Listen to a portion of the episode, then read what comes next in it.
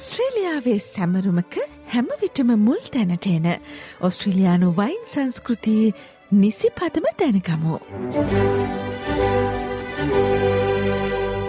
ඔස්ට්‍රේලියාව ගැන කතාබහ කරද්දී නිරන්තරයෙන්ම ඔළුවට එන නැත්තං මනසට එන මනසේ ඇඳෙන වචන කිහිපයක් තිබෙනවා. එතනින් එක් වදනක් තමයි මේ වයින් කියන කාරණාව ඔස්ට්‍රලියාවත් එක්ක බද්ධ වෙච්චම වචනයක් ලෝකයට ඉස්තරම්මාකාරයේ වයින් අපනයනය කරන ඒවගේම ඔස්ට්‍රලියාව තුළ ඉඳගෙන ඔබට ඉස්තරම්මාකාරය වයින් රසවිදින්නත් පුළුවන්. ඉතින් මේ ඔස්ට්‍රලියාවත් එක්ක බැදිච්ච වයින් සංස්කෘතිය ගැන තමයි අපි දැන් කතාබහ කරන්නේ මේක සාකච්ඡ සාකච්ඡා මාලාවක් විදිහට අපි ගෙනෙන්න හිතුව මොකද සාමාන්‍යෙන් වයින් ගැන කතාබහ කරද්දි මේ කෙටියෙන් කතාබහ කරන්න බැරිහින්ද.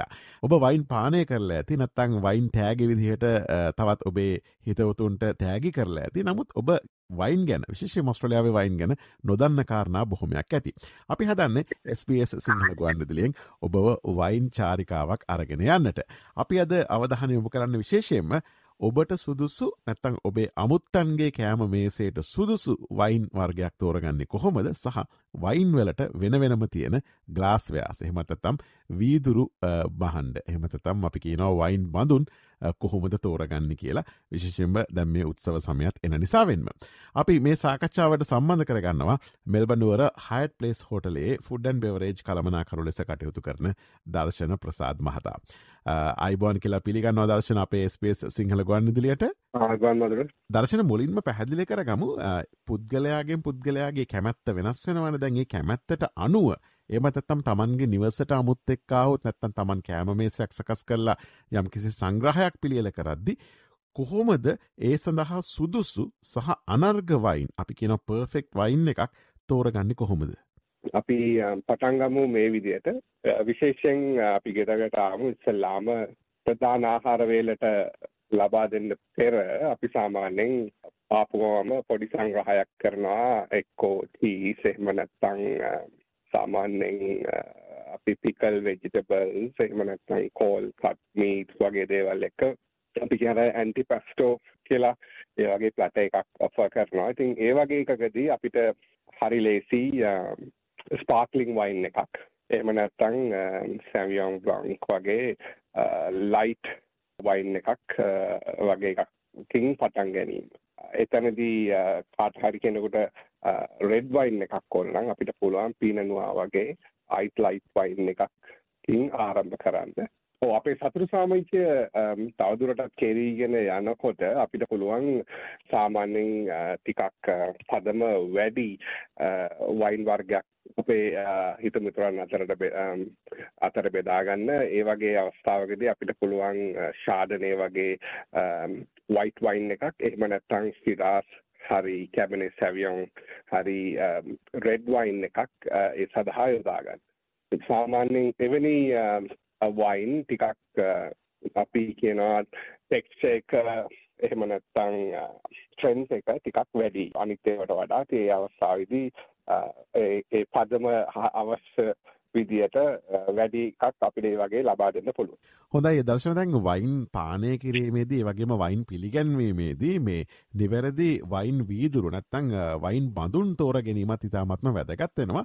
කොහොමද නිවැරදි ආකාරයට මේ ආකාරයේ වයින් බඳුන් තෝරගන්නේ සහ එහිදී සැලකිලිමත් යුතු කරුණු මොනවද? ඔව් සාමාන්‍යයෙන් වයින් එකකින් අපි බලාපොරොත්තු වෙන දේ තමයි වයින් එකේ තියෙන ඇරෝමා ඒ වයින් එකේ තියෙන ෆ්ලේවර්ස් අපිට විඳින්න පුළුවන් වීම තමයි ඒ වයින් එකක් පානය කිරීමේදී වැදගත්ම දේ.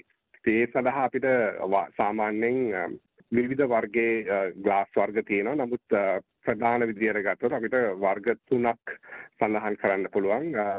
ස්පාර්ක්ලින් වයින් සඳහා තියෙනවා සාමාන්‍ය අපි කියන ෂැම්පේන් ෆ්ලූට් එකක් පාවිච්චි කරන්න පුළුවන්. ඒකෙදි වෙන්නේ ඒක සිහින් දිගැටි වීදුරුවක්. ඒකෙන් අපිට ඒ වයින් එකේ තියෙන බබලි um, නැත්තං ඒ ස්පාර්ක්ලිං ගතිය විඳින්න පුළුවන් විදිහේ uh, වීදුරුවක්. වයිට් සහ රෙඩ් වයින් uh, වීදුරුවක් uh, ගත්තොත් සාමාන්‍යයෙන් වයිට් වයින් වීදුරුවකක බෝල් එක පොඩ්ඩක් කුඩායි රෙඩ් වයින් වීදුරුවකට වඩා. විශේෂයෙන්ම වයිට් වයින් එකක් ගත්තම ඒකේ um, කර්ව් එක පොඩ්ඩක් අඩුයි. එතනදී නැරෝ එක පොඩ්ඩක් ඕපනිං එක පොඩ්ඩක් වැඩි රෙඩ් වයින් ග්ලාස් එකකට වඩා. විශේෂයෙන් මේකට විශේෂ හේතුවක් තමයි රෙඩ් වයින් එකක් ගත්තොත් ඒකේ තියෙන අපි සාමාන්‍යයෙන් කියන රෙඩ් වයින් එකක් සාමාන්‍යයෙන් වයිට් වයින් එකට වඩා ෆුල් බොඩි වයින් එකක්. ඒකෙදී ඒකට අවශ්‍ය කරනවා ටිකක් ලොකු බෝල් එකක් තියෙන ලොකු වීදුරුවක් රවුන්ඩ් ෂේප් එකක් තියෙන. ඒ වෙනි වීදුරුවකින් තමයි ඒකේ තියෙන ඇරෝමාස් ඒකම ඒකේ තියෙන ෆ්ලේවර්ස් ඕපන් අප් වෙන්නේ. ඉතින් ඔය ඔය තුන ඔළුවේ අපි සිතේ තබාගෙන තමයි සාමාන්‍යයෙන් වයින් පිරිනැමීමේදී තවත් කෙනෙකුට සැලකිලිමත් යුතු කරුණු. හොඳයි අපි කතා බහ කරමින් පසුවන්නේ මේ ඔස්ට්‍රලයාාවේ වයින් සංස්කෘතිය සම්බන්ධයෙන් ඒ සාකච්ඡාමාලාවේ පලවෙනි සාකච්ඡාව තමයි අපි මෙසේ දිගහරින්න ස්පේස් සිංහල ගුවන් දුලියෙන් අපි අද දවසේද අවධාන යොමු කරන්නේ ඔබට ගැලපෙන නැතං ඔබේ අමුත්තන්ට ගැලපෙන සුදුසු අනර්ග වයින් එකක් තෝරගන්න කොහොමද සහ ඒ සඳහා සුදුසු ගලාස් වෑනත්තං වයින් වීදුරු වයින් බඳුන් තෝරගන්න කොහොමද කියෙන කාරණ සම්බන්ධයෙන් මේ සාකච්ඡාවට අපි සම්බන්ධ කරගෙන ඉන්නේ වැල්බන්ඩුවර ෆුඩන් බෙවරේජ් කළමනාකරුවෙකු ලෙස කටයුතු කරන දර්ශන ප්‍රසාද් මහතා. දර්ශන දැන් නත්තල් ඒවගේම අලුත් අවුරුදු උත්සව සමයනවා දැන් මේ උත්සව සමයේදී බොහෝ දෙනා මේ වයින් තෑගි විදිහට ඔස්ට්‍රලයාාවේ ලබා දෙනවා. දැන් මෙයාකාරයට තෑග්ගක් විදිහට වයින් ලබාදීමේදී අපි බලන්න ඕන මොනමොන කාරණාද. සාමාන්‍ය වයින් එකකට තියෙන කැමැත්ම හරිම පුද්ගලිකයි. ඉතින් අපිට සාමාන්‍යයෙන් එතනදී ගොඩාක් පරිස්සම් වෙන්න වෙනවා අපි තෑග්ගක් විදියට කෙනෙකුට වයින් එකක් දෙනවා නම් මොන වගේ වයින් එකක්ද කෙනෙකුට දෙන්නේ කියන එක මොකද ඒක ගොඩාක් කෙනෙක්ගෙන් කෙනාට වෙනස් වෙනවා. මොකද ඒක හරිම පුද්ගලික දෙයක් නිසා.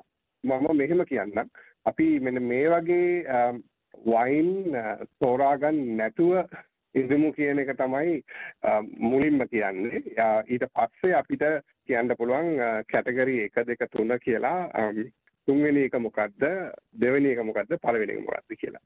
ඉස්සල්ලාම මම කියන්නම් මෙන්න මේ වගේ වයින් තෝරා ගැනීමෙන් වැළකින්න කියලා. සාමාන්‍යයෙන් අපි වයින් uh, විකුණන සුපර් මාකට් එකක හෝ uh, ලිකර් ෂොප් එකකට ගියාම අපිට අවශ්‍යම කරන දේ මොකක්ද කියලා දන්නේ නැත්නම් අපි පොඩ්ඩක් එතනදී ව්‍යාකූලතාවයකට පත් වෙනවා.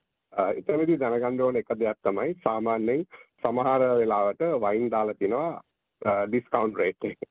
ඒ වගේ එකදී අපි පරිස්සම් වෙන්න ඕන ගොඩක් වෙලාවට එවැනි තැනක ඩිස්කවුන්ට් රේට් එකකට වයින් දාලා තින්නේ වයින් කාලයක් තියාගන්න බැරි වෙන නිසා. ඒතර ඒ වගේ වයින් එකක් සාමාන්‍යයෙන් අපි කෙනෙකුට ගිෆ්ට් එකක් විදියට දීමෙන් වැළකීලා ඉන්නවනම් වැඩිය හොඳයි. ඒක නරකක් නෑ නමුත් හොඳයි.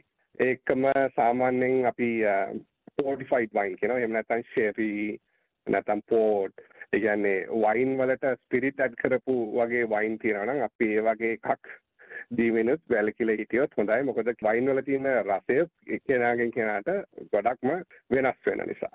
ඒතොර ඒ වගේ තැන් කෙනෙකුදී ඩිසර්ට් වයින් එකක් පෝට් වයින් එකක් වගේ ගන්න නැතුව ඉන්නවා නම් වඩාත් හොඳයි. ඒකම සමහර වෙලාවට අපිට හම්බ වෙනවා වෙළඳ පොලේ ෆෘට් වයින්ස් කියලා අපි කියනවා.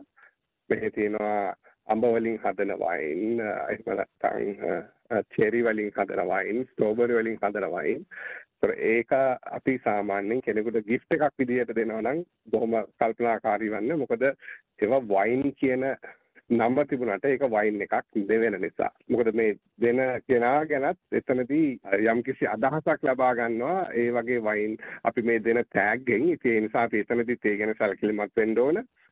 ඒකම සමහර වයින් තියෙනවා ගොඩක් ඒ ග්‍රේප් වර්ගය සාමාන්‍යයෙන් ටිකක් රෙයා වයින් ග්‍රේප් වරයිටි එකක්. ඉතින් ඒ වගේම සමහර වයින්ස් තියෙනවා සමහර දේවල් ඇඩ් කරලා ෆ්ලේවර් එක ඇඩ් කරලා හදන වයින්. සෝ මේ වගේ වයින් අපි ගිෆ්ට් එකක් විදිහට වයින් එකක් දෙනවා නම් මම කිව්ව කැටගරි තුනක් තියෙනවා.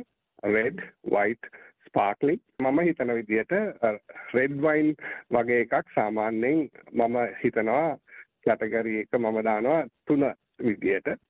අපි එක දෙක තුන කියලා ගත්තොත් දෙවැනියට මම දානවා white wine. ස්පාර්ක්ලින් වයින් එකක් තමයි මම සාමාන්‍යයෙන් ගිෆ්ට් එකක් දීලා දෙනවා නම් කෙනෙකුට රෙකමන්ඩ් කරන්නේ දෙන්න කියලා. මොකද එතනදී අපිට තේරීමේදී ලොකු රේන්ජ් එකක් නැහැ. ඒකම හැමෝම ස්පාර්ක්ලින් වයින් වලට ගොඩක් වෙලාවට කැමතියි.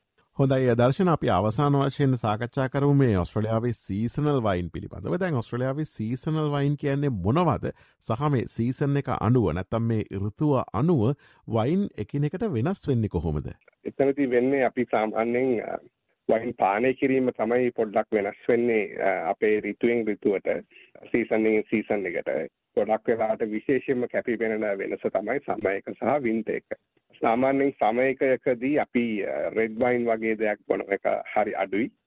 මොකද තියෙන දේශගුණය රස්නෙයි. ඒතර ගොඩක් වෙලාට අපි වයිට් වයින් ගොඩක් සීත කරපු වයිට් වයින් එකක් තමයි බොන්න ප්‍රිය කරන්නේ. දැන් සාමාන්‍යයෙන් රෙඩ් වයින් තියෙනවා අපි උදාහරණයක් විතර ගත්තොත් පීනනුවා ගැමේ වගේ සාමාන්‍ය එච්චර ස්ට්‍රක්චර් එක ලොකු නැති අපි කියන ලයිට් වයින්ස් කියලා.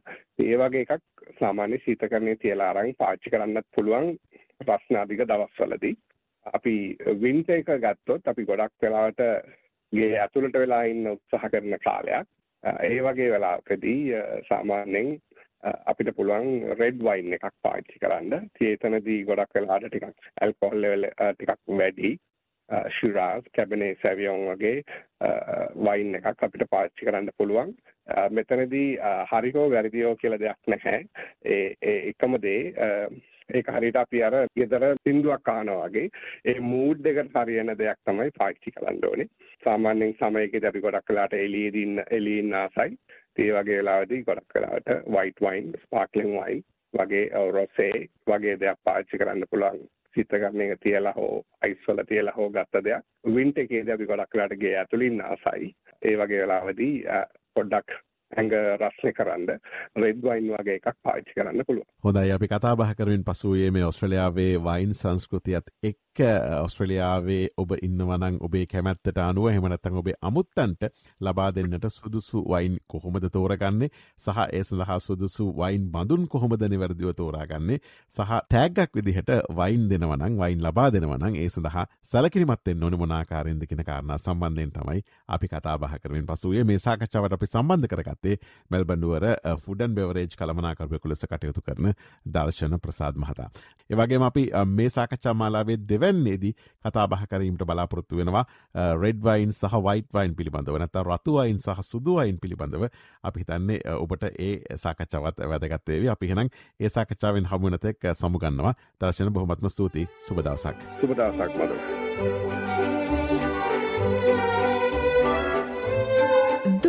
සතුට සමග ජීවිතය හා පැඳනු ඔස්ට්‍රේලියාවේ වයින් ගැන ඔබ නොදත් කතා SBS සිංහල සේවෙන්.